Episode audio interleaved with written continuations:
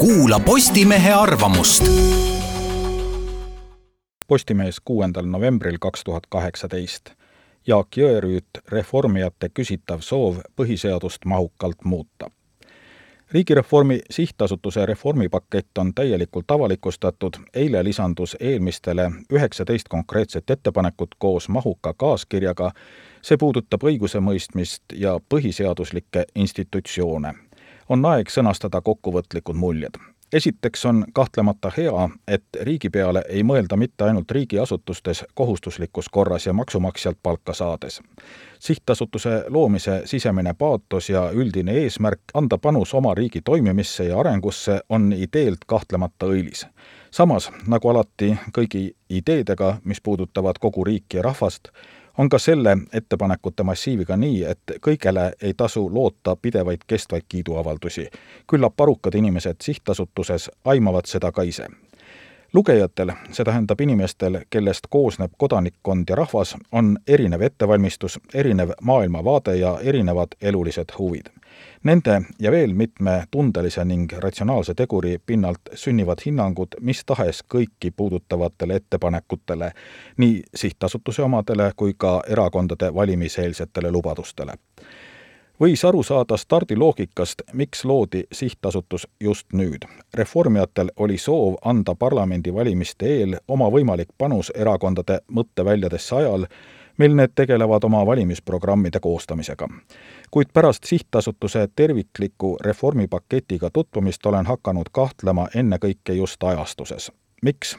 sest riigireformijate ettepanekute ja ideestiku läbiv joon on Eesti põhiseaduse muutmine.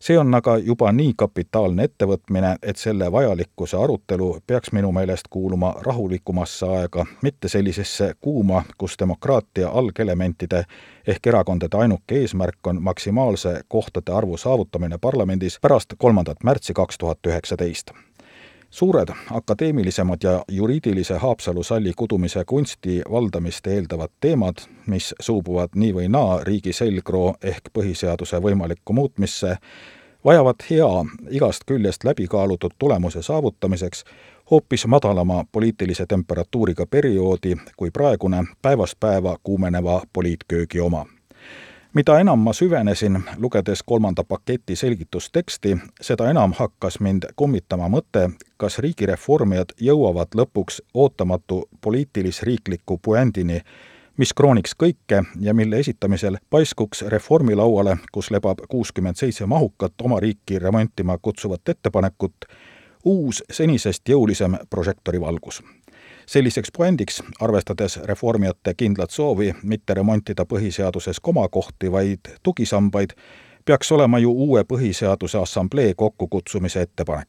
kuna sellist ettepanekut ei tulnud, ei ole mul praegu viisakas avaldada selle suhtes ka oleks stiilis arvamusi ei nii ega naapidi kolmanda paketi konkreetsete ettepanekute puhul ei ole aga lihtne leida tuuma näiteks mõttes, kuidas presidendile ainult ühe valimisperioodi ettenägemine parandaks Eesti elanike eluolu. see jääks rahvale kaugeks ega oleks sel mõju ei riigi mainele ega julgeolekule. samuti ei tajuks rahvas kindlasti kuigivõrd, kuidas seostub nende reaalelu kvaliteet kohtute, riigikontrolöri ja õiguskantsleri töö teatud ümberkorraldustega tehtud ettepanekute järgi veel enam, nimetatud kolme teema puhul, eriti puudutab see õigusemõistmise reformimisega seotut, ei ole arvatavasti praeguse ega tulevase parlamendi enamusel piisavat juriidilist ettevalmistust, et adekvaatselt ja ruttu hinnata kõike, mida eluaeg puht juriidilises ookeanis seinanud inimesed on neile nüüd lauale asetanud. refräänina siinkohal eriti valimiseelses kuumas poliitköögis reformijate mõtete ja arvamuste seas on muidugi neidki, mis on rakendatavad ilma põhiseadust näppimata. mõni neist, nimetan kas või ainult kuluhüvitiste kaotamise läbinätsutatud teema, on selline, mis paistab paljudele ehk ebaoluline ja seega mittevajalik muudatus.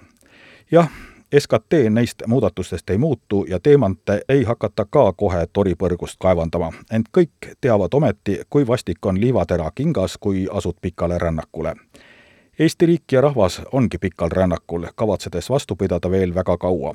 liivateri, suuremaid ja väiksemaid, aga saab ja tuleb kingadest välja raputada pidevalt. põhiseadus seda ei takista